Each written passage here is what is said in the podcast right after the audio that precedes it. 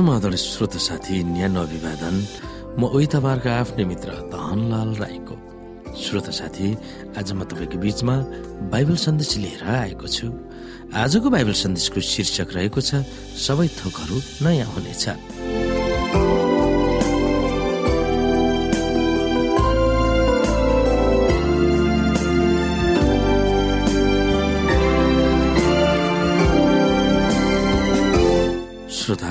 यो सबै थोकहरू नयाँ हुनेछ भन्ने बाइबल सन्देशमा हामीले विशेष गरी अध्ययन गर्नुपर्ने बाइबलीय पदहरू रहेको छ।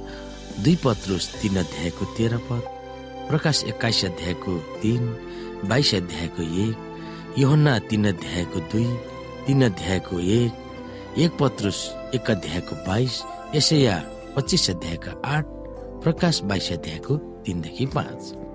र यस सबै थोकहरू नयाँ हुनेछ भन्ने बाइबल सन्देशमा हामीले मेमोरी गर्नुपर्ने बाइबलीय भर्स अथवा सम्झनु पर्ने बाइबलको पद रहेको छ प्रकाश एक्काइस अध्यायको पाँच पद यहाँ लेखिएको छ सिंहासनमा विराजमान हुनुहुनेले मलाई भन्नुभयो हेर म सबै कुरा नयाँ तुल्याउँछु उहाँले यसो पनि भन्नुभयो यो लेख यी कुराहरू भर पर्दा र सत्य छन्।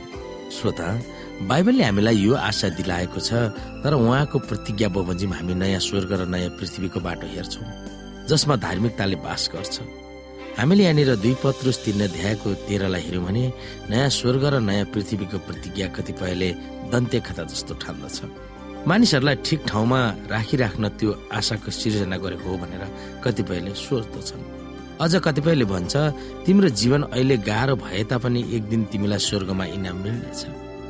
बाइबलमा प्रस्तुत गरेको भविष्यको आशालाई दुरुपयोग गरेर कतिपयले प्रस्तुत गरे तापनि नयाँ स्वर्ग र पृथ्वीको बारेमा बाइबलले दिएका सत्य प्रतिज्ञाहरू परिवर्तन हुँदैन। अन्तिम दिनहरूमा गिल्ला गर्नेहरूले आशिषित आशाको बारेमा मजाक उठाउनेछन् भनेर पत्रुसले यसरी लेख्दछन् सर्वप्रथम तिमीहरूले यो बुझ्नुपर्छ कि पछिल्ला दिनहरूमा गिल्ला गर्नेहरू गिल्ला गर्दै तिनीहरूका आफ्नै अभिलाषामा यसो भन्दै आउनेछन्। उहाँका आगमनको प्रतिज्ञा कहाँ गयो? किनकि पिता पुर्खाहरू सुतिसकेका दिनदेखि नै सबै कुरा सृष्टिको सुरुदेखि चलिआए जस्तै आज पनि छँदैछ। जानी बुझिकन पनि तिनीहरू यस कुराको वास्ता गर्दैनन् कि परमेश्वरको वचनद्वारा स्वर्गहरू अघिदेखि नै थिए र पृथ्वी चाहिँ पुरा पानीद्वारा नै बनाइयो। यही पानीबाट त्यस समयको संसार जलप्रलयमा डुबेर नष्ट पनि भयो।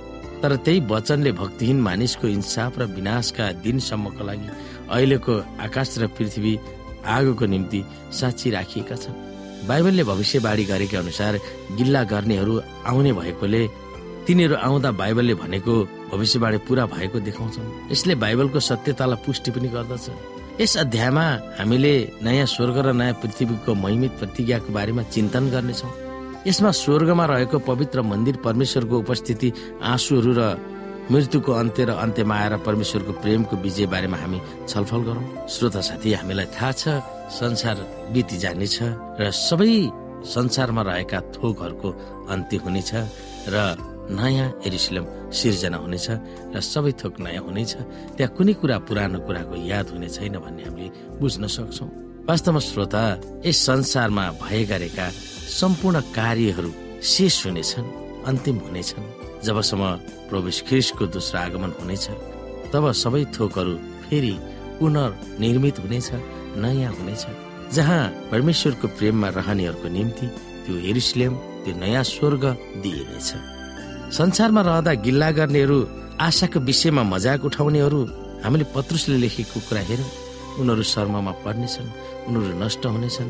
उनीहरूले नयाँ एरिसलेम या उनीहरूले नयाँ थोकको उपभोग गर्न पाउने छैन। जबकि संसारमा भए गरेका सम्पूर्ण नराम्रा कार्यहरूको नाश हुनेछ र सबै थोक राम्राका निम्ति सबै थोक नयाँ हुनेछ भनिएको छ। बाइबलको भविष्यवाणीमा भनिएको छ मानिसहरू आफ्नो पापको कारणले नष्ट हुनेछन्। हामीले पढेका छौँ श्रोता बाइबलमा दुईजना जाँतो पिनिरहेका हुनेछन्। एकजना लगिनेछ एकजना छोडिनेछ। दुईजना खेतबारीमा काम गर्दै गरेको हुनेछन्। एकजना उठाइनेछ एकजना छोडिनेछ।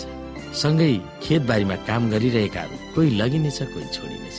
श्रोता साथी उनीहरूको कामको आधारमा विश्वासको आधारमा उनीहरूलाई स्वर्ग लगिनेछ र नयाँ थोकहरू अथवा नयाँ तरिकाले सृष्टि गरिएको नयाँ एरिसलेममा उनीहरूले सदा सर्वदाका निम्ति राज्य गर्नेछन् र त्यहाँ मृत्यु कहिले पनि हुने छैन अन्तमा आएर परमेश्वरको प्रेम त्यहाँनिर विजय हुनेछ र परमेश्वरको प्रेम हामीमा रहनेछ।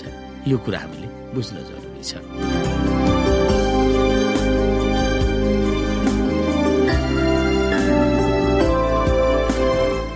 श्रोता साथी आजको लागि बाइबल सन्देश यति नै।